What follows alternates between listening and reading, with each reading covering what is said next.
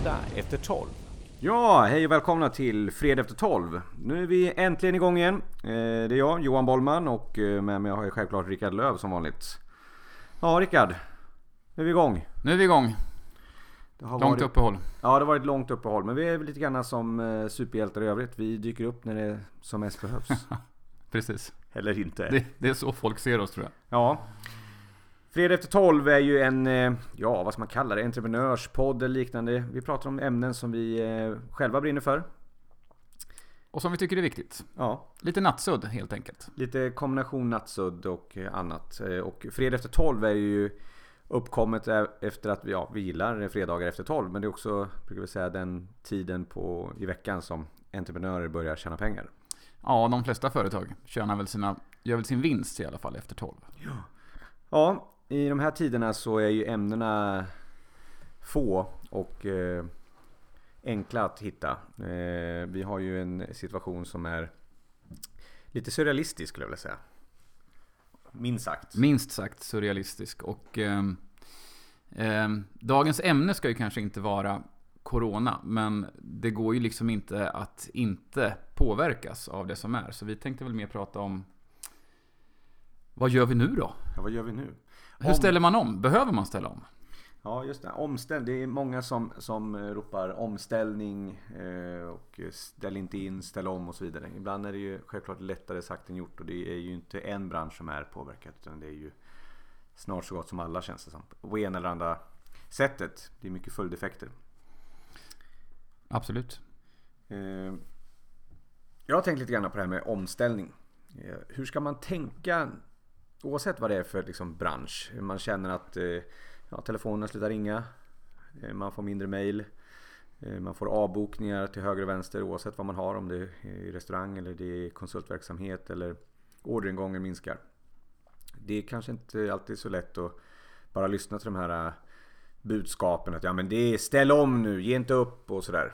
Eh, jag tror att det kommer till mycket inställning också.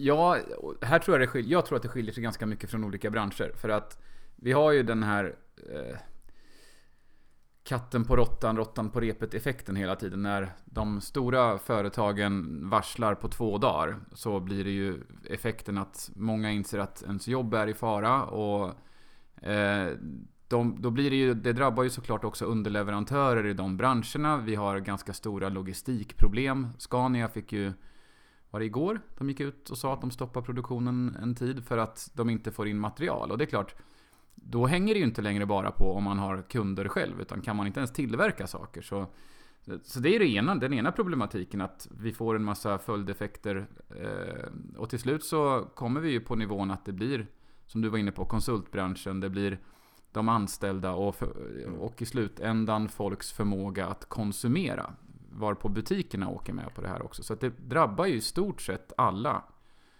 Utom livsmedelstillverkarna än så länge. Eller, eller matvarubutikerna. Mm. De drabbas ju inte så hårt. Jag menar att de har tomt i hyllorna för de Ja, precis. Ja. Toapapperstillverkarna jobbar mer. Ja, det, pappersbruken borde gå för högt. De går nog De ska ställa jättebra. om. Ja. Så det här är ett budskap till eh, pappersbruken. Ställ om till enbart toapapper. Ja. Eh, För det kommer gå åt. Men det tror jag de redan har gjort. Så att jag vet inte, det Ja. tipset kanske inte lönar sig riktigt överhuvudtaget. Du är inte först på den bollen Johan. Nej. nej. Nej men just den här med omställning är ju en, jag tycker det är en intressant tanke. För man sitter ibland och det känns som att många pratar om den biten men man sitter och tittar på sin egen verksamhet. Eh, kan ta på min egen verksamhet. Men jag jobbar med marknadsföring, eh, hjälper företag med kommunikation. Och även om man tycker att ja men i de här tiderna borde man kommunicera. Men det blir samma sak. Företag känner att eh, vad ska kommunicera? För det finns ingenting att sälja. Det finns inga kunder ut som lyssnar förutom att Mm. titta på TV och, och invänta nästa domedagsbudskap. Eh, så det sätter ju det sätter ju ett stopp i en mängd olika saker. Ja, det... Frågan blir ju lätt komplex, men om man, om man ändå ska prata omställning så måste vi ju förutsätta att det faktiskt går att ställa om. Där vi liksom, vi kan ju bara jobba med de saker som går att påverka. Och om kunderna, om man har en butik och kunderna inte kommer dit så just då, där du står, så kan du ju inte bli bättre på att sälja i butiken för det finns ingen att sälja till. Så om man förutsätter att vi ändå har, jobbar med en verksamhet som går att påverka. Till exempel, någonting som blir ganska tydligt blir ju det här med att många företag har stängt. Man tar inte emot för möten. Nej, precis. Eh, och då, då måste man ju fundera på hur kan vi som organisation ändå kommunicera och prata och träffa våra kunder fast inte rent, nej, vi får inte komma dit. Mm. Går det att göra någonting? Och då har vi ju såklart massa tekniska stöd. Men ibland räcker ju inte tekniken. Vi måste förstå hur vi ska använda tekniken och kanske kommunicera både ur ett marknadsföringsperspektiv men också ur ett rent eh, sälj och leverantörsperspektiv. Hur håller man möten? Hur ska jag visa upp saker och ting? Mm. Det finns många sådana frågor som, som man, om vi förutsätter att det ändå går att göra en omställning så är det väl den biten man kan kika på. Vilka saker kan vi faktiskt påverka och ställa om? För de saker som inte går att påverka, det går ju inte att fokusera på. Nej. Eller ja, det går, men det är ju ingen idé. Nej, och sen ibland... Nej, och, och jag tror att ibland så... I en sån här kris är det lätt att man, man vill ju lösa saker nu. Alltså självklart. Mm. Eh, Och det är väl självklart en survival mode. Man måste ju på något sätt se hur kan jag överleva den här övergången av den här krisen. Eh, Och det är väl självklart en en viktig sak att titta på. Men om man även på något sätt kan se bortanför det Mm. så har man ju också en tid man måste ställa sig frågan hur ser det ut efteråt? Eh, kommer det gå tillbaka till exakt normalitet som det var innan och så kan vi takta på i gamla hjulspår eller, eller kommer saker och ting ha förändrats? Eh, jag tror självklart att mycket kommer gå tillbaka till, till, till gamla hjulspår men mycket kommer också ha förändrats och kanske möjligheterna till saker. Idag öppnar det upp ögonen för många att både med det som du sa med här med möten allt från säljmöten till konferens till och hur vi eh, presenterar och visar upp saker. Hur vi alltså möts som människor. Mm. Eh, jag tror inte att det kommer gå alltid. Ja, ingen kommer våga ha möten framöver. Men det kan ju vara så att man nu lite då tvingas in i att testa och prova göra saker Mm. annorlunda. Det finns mycket möjligheter i det här. Jag tror att absolut att vardagen och verkligheten kommer att återgå till det normala. Det kommer bara vara en ny normal. Ja. Det som var normalt för några veckor sedan kanske inte blir det vi ser som normalt om ett år. Nej, och då kan man ju se vad, vad kan man vad kan man använda framåt? För jag tror Mm. att det är både den delen förutom att eh, göra det man måste just nu. I allt från att eh, korttidspermittera, budgetera om, Mm. eh, granska vad man har i ladorna. Ja, titta så att man klarar den här övergången. Eh, och det är självklart det viktigaste för annars har man ingen nytta av, av framtiden heller. Men, eh, men också den här delen att kanske ändå ta den här tillfället i akt och prova nya saker. Mm. Har man, eh, jag pratade med ett eh, företag förut idag som sa att ja, men nu har jag inga kunder som ringer, det, jag har inga möten inbokade, jag har ingenting. Vad ska jag ta mig till? Och jag tror lite grann nästan den här desperationen och apatin att man vet inte vad man ska göra för att eh, dagarna ser inte ut som de brukar. Men man har också möjlighet då att, att kunna prova nya saker. Det finns egentligen inga saker som är fel. Testa att ha möten på andra sätt. Eh, paketera sin, sina produkter och tjänster lite annorlunda. Mm. För att, för att, även om det är svårt att nå ut till målgruppen med, med en ny paketering. Men man har ändå en möjlighet kanske att, att både tänka efter och se hur kan jag anpassa efter de här situationerna. Lite grann så har det väl kanske gått Det har ju gått så kort tid också. Det är ju jättesvårt att... ehm, det, det, vi, jag, om vi tänker oss att det är lätt att hamna i ett läge där man tänker lite desperat så här på den fjärde, femte dagen av full påverkan av det här. Så vi har inte ens, eller full påverkan, vi har inte ens stängt skolorna än. Det är klart det kan bli ännu större påverkan på samhället. Men just ur det perspektivet att tänka nytt och hitta nya saker så tror jag att det är inte skitlätt när vi liksom är mitt i krisen. Nej. Det är eh, kanske svårt att vakna upp med en superpositiv inställning och tänka nu ska jag ha världens bästa arbetsdag och tänka om hela min verksamhet som jag har kört i tio år. Så Men- där, där tror jag nog att man behöver få det värsta att lägga sig innan man kan ta eh, de absolut bästa besluten. Ja men det tror jag. Men det är... Ja självklart, jag, försöker inte förringa den delen att man ska springa upp och vara positiv. Nu, nu, har, jag massa, nu har jag massa roliga idéer. Oj vad bra det var. Men, eh, Det är svårt att få de idéerna nu tror jag. ja det är det också. Men det är en annan sak att tala om. Det är ju den delen som är inställning. Mm. Eh, men vi kan väl återkomma till den alldeles strax. Jag tänkte på var eh, Många sitter med lager, man vet inte hur man ska bli av med saker. Det är självklart lättare kanske man har tjänster. Men det, jag tycker att jag anar en ganska eh, vad ska man säga, fantastisk våg av händelser just nu om man tittar på nätet. Och det, det är egentligen lite grann det vi håller på med och BNI här, Givers Gain. Mm. Det finns ju också en möjlighet nu, jag menar, har man ändå inga andra val, nu säger jag att man har ju ofta inga andra val, det är att kunna titta på hur man kan förmedla sina tjänster och produkter och, och dela med sig av, eh, av dem. Jag såg ett, ett, en, ett företag igår som hade en eh, plattform för kommunikation Mm. som de normalt sett självklart säljer för bra pengar. Mm. Där de egentligen har strukturerat om lite grann, gjort om innehållet lite grann och delar ut kostnadsfritt Mm. under den här perioden. Det är självklart ingen, ingen vinst i det, men det finns en annan vinst. Ett, självklart en goodwill-vinst. Mm. Eh, men också kanske möjlighet att vad ska man säga, testa olika funktioner och olika nya målgrupper. Hur kan man få ut den här? eh, Ja, det är väl det som man kan se som kommer kunna hända framåt. Att om man nu som det företaget då vågar dela ut någonting gratis och man har kassa och möjlighet att göra det. det förutsätter ju det självklart. Ja, Det och då har man säkert en, en helt ny användarbas och kundbas att bearbeta. Eh, sen om det blir i juni, i september eller om ett år, den är ju jättesvår att säga om. Men det är självklart så, det, det här krisen kommer ju skapa massor med nya möjligheter och massor med nya affärsidéer och behov såklart. Så det kommer ju komma väldigt mycket bra saker ur det här. Det kommer ju också tyvärr att drabba många enskilda individer och företag längs med vägen. Och där får man väl bara hoppas att det blir så bra som möjligt. St- Stödpaket eller inte, men det kommer att drabba folk. Ja, det jag tror det. Det kommer kosta näringslivet otroligt mycket. Eh, och där många tyvärr inte kommer eh, orka hela vägen ut. Nej, Eh, nej, så är det. Nej, men möjligheten ändå, som man, om man ser det, det är att om vi testar nya saker, om vi tar en sån enkel sak som att, som att bli lite bättre på vilka digitala funktioner finns det för att bedriva möten. Jag tror i grund och botten inte att relationen till befintliga kunder påverkas så himla mycket. Utan har, har kunder och leverantörer en bra relation så kan den lika väl bedrivas på telefon som i mötesform just nu. Det stora problemet är väl att hitta nya kunder. Om man inte är van att bedriva eh, sina möten på telefon eller digitalt så är det ju en utmaning där att lära sig Ja, det finns så många olika tekniska plattformar så vi behöver kanske inte gå in på alla som finns. Men att, eh, att hålla ett videomöte där du gör en presentation. Hur gör man det? Alltså det, den grejen kanske man borde ta sig lite tid mitt i den här... När, ändå sak, när telefonen ändå har tystnat så kanske man borde titta på om det blir möten nästa vecka. Mm. Eller om jag kan ha ett möte med en potentiell kund nästa vecka. Hur ska jag göra det? Mm. Det tror jag kan funka. Ja, möten och sånt och försäljning är väl den delen som eller kommunikation generellt är väl den som kommer ställa om ganska stort. Ja, det Eh, måste man göra. Det, det, det går ju inte att harva på och stå och knacka på en dörr som är låst. det, blir, det blir skitdålig stämning. Ja, nej det är, man får banka hårdare. Ja, ja, Ja, ja. ja.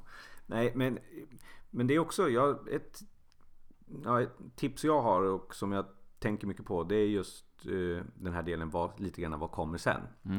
Eh, för om man tror på något sätt att det finns en, en, en situation efter det här så finns det också eh, ett annat scenario som är då att det, det Många har eh, förlorat kunder därför att eh, man måste säga upp avtal och en mängd olika saker i dagsläget. Men när vi kliver ur den här då kommer också det blir en, ett, ett så kommer det finnas eh, en mängd företag som behöver liksom ha nya avtal. Och självklart kan man gå tillbaka till sina gamla leverantörer man hade. Eh, Men det kommer också finnas en mängd leverantörer som också är intresserade att hitta nya kunder Mm. där man har tappat. Så det kommer, om man säger, det kommer, jag tror att det kommer bli en otrolig aktivitet. Ehm, Och den här delen är också lite grann hur man kan göra urvalet. Antingen kan man vänta till den dagen det är då. Eller på något sätt och sitta liksom i liten apati och stirra in i väggen nu eh, och beklaga sig. Eh, återigen, jag förringar inte de, de, den jobbiga tid som är nu på något sätt. Eller hitta ändå ett sätt att hålla kontakten med marknaden. Kanske lägga fokus. Ja, det är svårt att sälja. Det går inte att sälja till folk som inte har pengar och, och nu håller i plånböckerna helt naturligt. Men det finns ju andra sätt att kommunicera och andra saker. Till exempel de sakerna som ofta är den viktiga delen och det är mina värderingar, mitt varför, varför jobbar jag med de här produkterna, varför jobbar jag med de här tjänsterna, vad står vi för? Om man kan upprätthålla den kommunikationen med sin marknad eh, och även addera give risk gain i den delen så tror jag man har en mycket större möjlighet efter det här att på något studsa tillbaka starkare. För då kommer det också vara när man då ska gå ut och hitta de här kunderna nya kunderna eller återkoppla till de gamla befintliga. Mm. Så kommer det vara en mängd fler konkurrenter som är sugna på samma sak. Och vilken nivå man har kommit in i den och hur man har upprätthållit den kontakten fram till den punkten tror jag är avgörande. Ja, det, och där kommer vi in på att försöka skilja på det här med kort och lång sikt. Vad som är kortsiktigt så kanske det för många kommer handla om överlevnad och att eh, Eh, ja, bara få den närmaste tiden att fungera. Både organisatoriskt och eh, ekonomiskt. Och det måste man självklart prioritera, annars behöver man inte ha någon långsiktighet. Men att man samtidigt någonstans längs med den här vägen, när det absolut värsta har lagt sig, så kanske man också måste se vad händer bakom hörnet? Vad händer? Och där tror jag den här kommunikationen, oavsett hur den sker, bör eh, att det bör sitta ihop. Det är strategi och taktik. Det är lång och, lång och kort sikt går hand i hand. Sen behöver ju självklart inte kortsiktiga åtgärder som företag gör nu, permitteringar och uppsägningar och sånt. Det gör man ju för att företaget överhuvudtaget ska finnas kvar. Det finns ju ingen som önskar att säga upp sin personal. Men att det ändå på lång sikt finns en, eh, alltså finns det en kundbas när det, här, när det värsta har lagt sig? Ja, för de flesta företag så borde ju det finnas kvar. Så jag tror inte att grundstrukturen förändras särskilt mycket. Däremot kommer kanske vissa beteendemönster att förändras ganska mycket. Mm. Ja, det är, det är... Men då är den... Mm, så omställningen är ju egentligen att... Ja, förutom att hitta, hitta överlevnad nu. Mm. I, och se vad man kan göra, hur länge man klarar och hur länge man håller ut. Och förhoppningsvis att det kommer lite mera stöd. Det är också en, en stor del inställning i den här biten. Ja, så länge vi, alltså i alla fall när vi har kommit förbi krisen. Det, jag brukar säga att eh, jag gillar ju det här med mental träning. Jag brukar säga att det går liksom inte att, att, att ha, börja köra mental träning eller tänka sig eh, ur en kris eh, så alla gånger. Däremot så är det väl så att om man har en inställning att vi kommer att klara det om man tänker eh, lite längre än bara eh, just nu, om man har den ekonomiska möjligheten. Där tror jag att inställningen kommer att påverka, att man vågar se det här som eh, att det kan komma positiva saker ur det. Nya, nya kunder, Men, nya behov, nya leverantörer och så Jag tänkte faktiskt en sak som du talade om i ett tidigare avsnitt en gång. Nu kanske det är en... en, en det är ju ingen som kommer ihåg, det är, det är ju liksom, det är snart ett år sedan. Ja, ja, men det, det, en paus är bra. Ja. Det, är liksom, det är som paus i ett samtal. Då har ju efterfrågan ökat nu Rickard. Ja, just det. Eh, på på poddar. Här. Nej, inte poddar. Podden. podden. Ja, podden. Den, här, den här podden. Ja. Eh, jag, jag, även om det är svårt att jämföra, det är kris och kris. Men eh, det var som eh, du berättade en gång om när du höll på att cykla och hade väldigt tydliga mål. Mm. Och skulle klättra upp och göra någonting på jag vet inte. På vinden? En, en vind, ja. precis. Och eh, ramlade ner och eh, bröt foten. Eh, och det första du tänkte den delen var, jag menar där, det är ju liksom Ja, för det målet du hade så var det ju Krisen var ju som störst när du låg där och hade förstod att det här kommer aldrig funka för nu är det trasigt. Eh, men, men där är ju den inställningen i hur man kan redan från början under krisen ha rätt mentalt. Antingen kan man sätta sig och tänka nu är det kört och sen så får man negativa tankar istället för att man på något sätt säger men okej vad kan jag göra nu? Kan jag mm. göra det här? För att återigen det som du sa alldeles nyss här. Det är mycket saker vi inte kan påverka. Eh, och det vi inte kan påverka det det kan man ju, blir man bara frustrerad över. Eh, men det finns ju mycket vi kan påverka. Och det är kanske mm. den delen att om vi... Ja men just det, att man jobbar med det man kan påverka. Ja. Alltså, självklart är det så att inställningen i det fallet, när jag låg i, inne i skostället och eh, in, insåg att jag inte kunde resa på mig, så är det klart att jag inte var skitpositiv. Nej. Att jag sen morgonen efter lyckades... Kan vi säga det nu i alla fall, att det låter ju bättre. Ja, ja jag, jag låg där och tänkte det här blir nog bra. Nej, det, så var det faktiskt inte. Eh, det, det, blir ju ändå en kris i miniformat för att ganska fort inser man ju att jag kommer att överleva en bruten fot. Sen är det ju vad som händer efter det. Eh, det finns säkert de som hade valt att sjukskriva sig i 10-12 veckor eller hur länge jag hade gips och jag stod dagen efter med nygipsad och höll en eh, utbildning i åtta timmar. Och det är klart att alla hade inte gjort det. Eh, för mig var det självklart att jag var tvungen att vara där, för det fanns ett gäng människor som förlitade sig på att jag skulle vara där. Och då fick, man, fick jag anpassa mig efter förutsättningarna. Det, men jag tänker att vi just nu är vi ju i skoställsläge. Vi ligger ju fortfarande kvar där nere och har jävligt, som jag hade då jävligt ont. Eh, och det, just nu så kanske det inte är så här, åh gud vad jag ska vara positiv imorgon när jag vaknar. För det här är ju en... Så just i den här mest akuta fasen på, på krisen så är det svårt att vara positiv. Men om man ändå eh, i retrospekt så kan jag väl tänka att jag tror inte att jag riktigt tyckte att skitmycket saker var positivt just då. Men, men däremot dagen efter så insåg jag att jag kan ju inte påverka att foten är bruten. Det är ju som det är. Jag måste Mm. klara vardagen hemma, jag måste få familjen att gå runt och jag måste klara mitt jobb. Nej men det tror jag. Men jag, och det är klart den här krisen är ju nu och det är nu vi är inne i den. Men jag tror att de flesta, den har ändå hållit på ett litet tag. Det har varit tal om det längre tid. Även om de stora, stora restriktioner och grejer har kommit den senaste veckan om man säger så. Ja, Men- jag tror inte vi såg, alltså, även om vi har vetat om Corona i tre månader så tror jag faktiskt inte de flesta har förstått vidden och effekten av det förrän det slog till. Jag tror att det egentligen blev, för många så ramlade det här ner i slutet på förra veckan. Mm. Men det, men, Inte så att jag hade sett det heller. Det, jag menar inte så. Men det, jag, jag tror inte riktigt man fattade hur stor inverkan det skulle få. Nej, inte på, på totalt samhälle. Men jag, nu när man ser ändå hur det är på nyhetsrapportering utåt så tror jag man ändå kan eh, vad ska man säga, tänka sig hur det kommer att bli. De flesta pratar om vad händer om, som du sa här, om skolorna stänger ner och Mm. en miljon personer, en miljon barn måste vara, inte personer, en miljon barn måste vara hemma från skolan och, Mm. och deras föräldrar måste vara hemma. Det kommer ju få en enorm impact.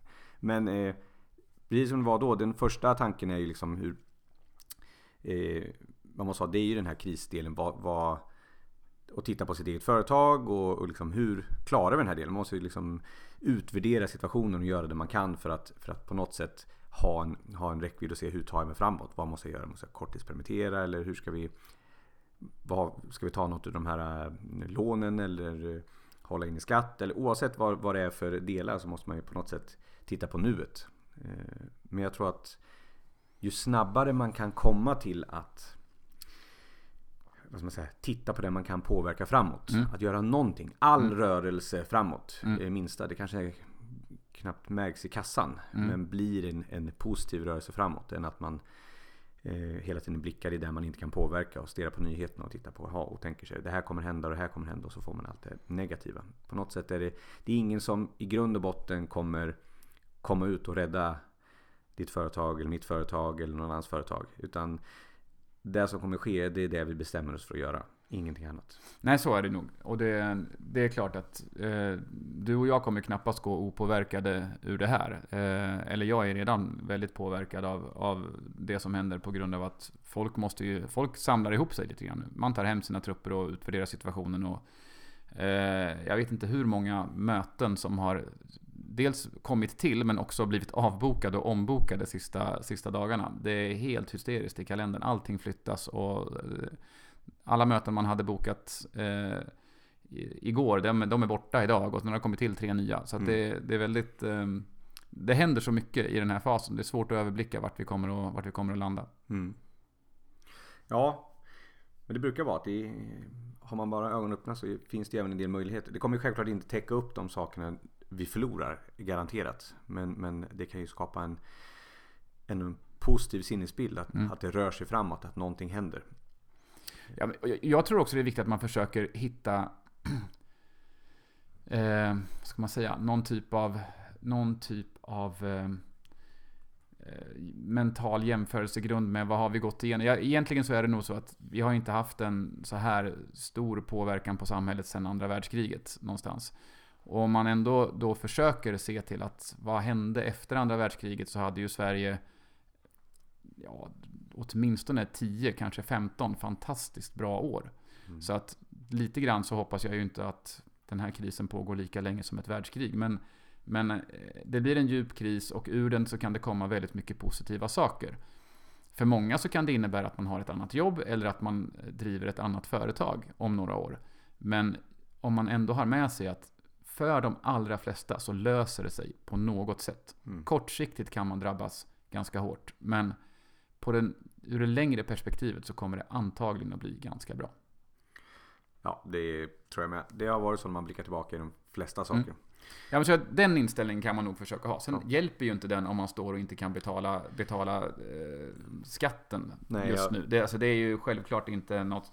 Det, det blir lite spik i foten positivt. Det kommer liksom inte funka. Men, men eh, ur det långa perspektivet, de som inte...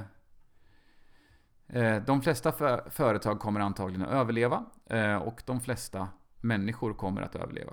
Så ur det perspektivet så är det nog så att ja, sen kan det hända positiva saker och det kommer få en del konsekvenser för enskilda företag och individer både på kort och lång sikt. Men jag tror, ändå, jag tror ändå på det här. Jag tror det kommer, gå, jag tror det kommer visa sig att det här är en bra du, grej. Du tror på det? Jag tror på det. Här. Jag tror på verkligheten. Ja, alla ni som lyssnar, vi, vi får vända på det där.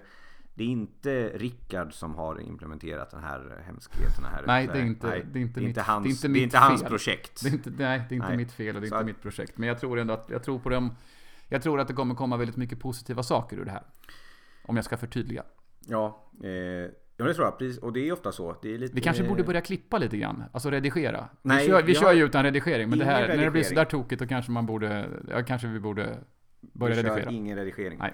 Så omställning är i den delen. Eh, det jag tycker eh, jag skulle förmedla ut och eh, är ju att den här omställningen som många pratar om hur man ska göra.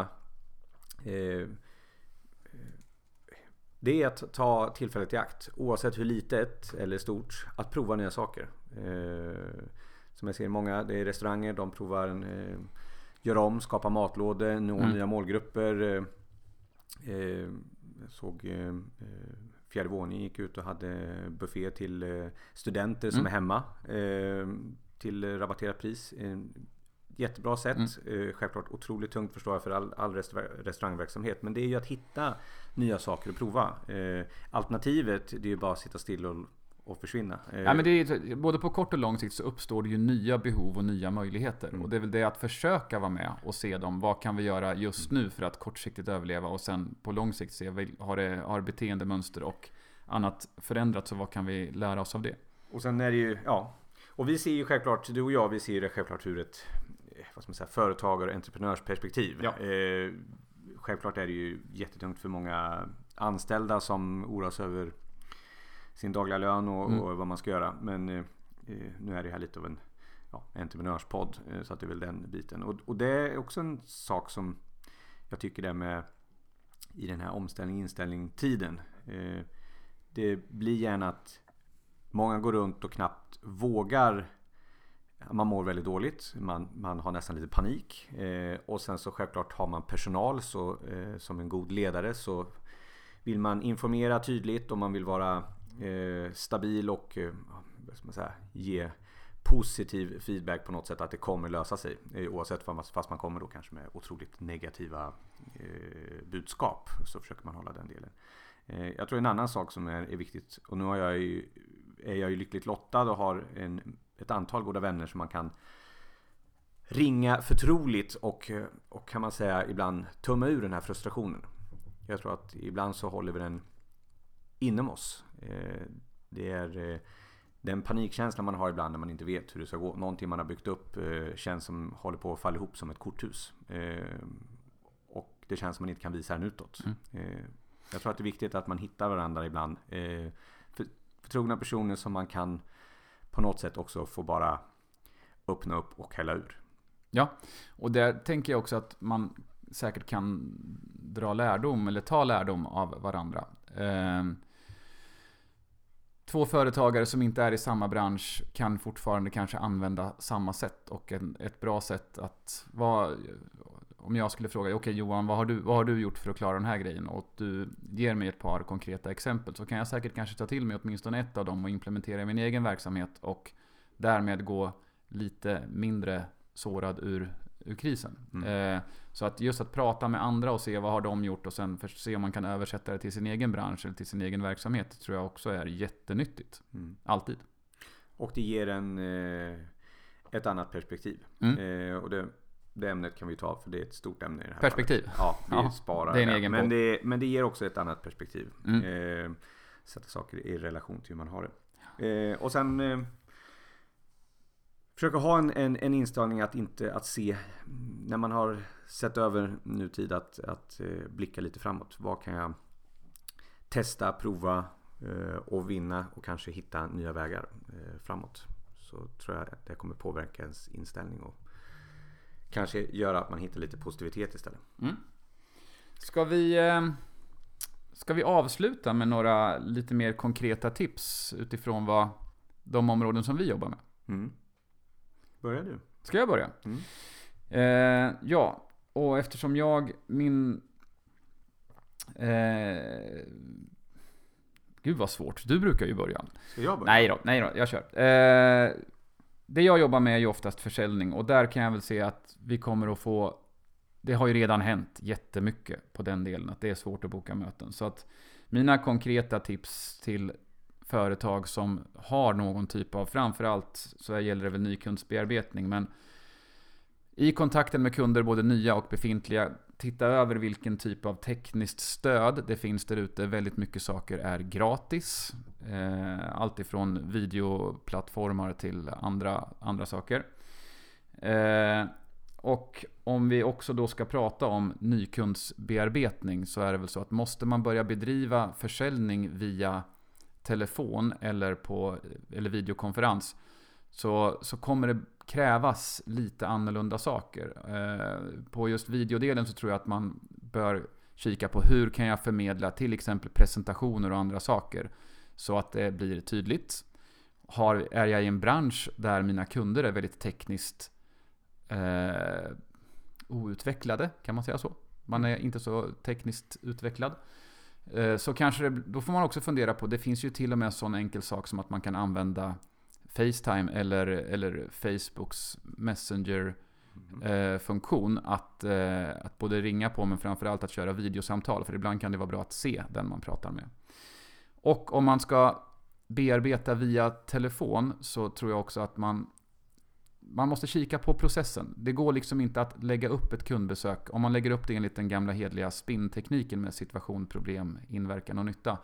Så kan man liksom inte börja i den fasen. Utan man måste, måste vända lite grann på den processen. Man måste vara lite mer rakt på sak och prata om vad man säljer och varför man vill prata. Och sen får man komma in på det här med, med kundens verksamhet lite senare.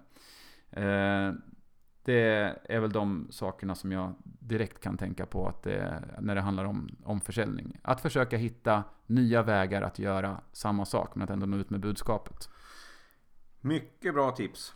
Ja. Vad tänker du? Vad tänker jag? Vi, ja, just nu är det att passa på att eh, ta möjligheten att kommunicera andra saker än sälj. Mm. Eh, nu pratar du precis om sälj. nu pratar du emot mig här. Jag pratar emot det. Nej. Men det är ju så här. Det är någonting som alltid har varit och kommer vara. Det är att affärer görs inte mellan företag, det görs mellan människor. Mm. Och mer och mer är det individen som är det viktiga. Eh, så ta chansen att eh, nu när det inte kanske handlar så mycket om försäljning, att kommunicera andra värderingar. Eh, kanalerna finns där. Folk är i, i de digitala kanalerna mer än någonsin. Eh, tänk igenom vad man vill kommunicera och dela med sig av i kunskap, information. Att eh, bygga närvaro och berätta varför man gör saker. Vart ska man dela då? Du som är marknadsföringsexpert. Ja, eh, tittar man i, i, personal branding så just nu så är det ju en kanal som är den, är den stora och det är ju LinkedIn. Och mm. anledningen till att det är LinkedIn det är för att det är just personligt. Mm. Eh, och man behöver inte vara säga, vän utan man har kontakt. Eh, skillnaden på de andra kanalerna är ju att de är privata. Men det funkar ju även om man använder eh, Facebook eller LinkedIn och du har eh, ett företagskonto och du har följare och liknande. Men man kanske vrider om fokus från, från att försöka trycka på och försöka sälja mer i dessa tider och istället kommunicera de här sakerna som kommer vara avgörande i slutändan. Eh, det handlar ofta inte om produkt eller pris. Det handlar om dina värderingar. Allt om du står för miljötänk eller om du har bra personalvård som du är stolt över. Mm det är de sakerna som egentligen alltid har, har värderats men vi kanske har kommunicerat lite dåligt. Ja. Och i dessa tider finns det ju alla möjligheter att använda den kommunikationen. För jag tror att försäljningskommunikationen når inte riktigt fram när folk inte är redo att köpa. Så ta tillfället i akt och eh, berätta mer om varför ni driver era verksamheter och vad era styrkor och hur ni ser på framtiden. Så tror jag man lättare når fram och kunna bygga det starkt till någonting efteråt. Yes, härliga tips Johan. Så att vi, ehm, vi börjar hänga lite mer på LinkedIn helt enkelt. Kommunicerar lite andra saker än, än försäljning och när vi väl måste sälja så, så får vi helt enkelt anpassa oss efter rådande situation.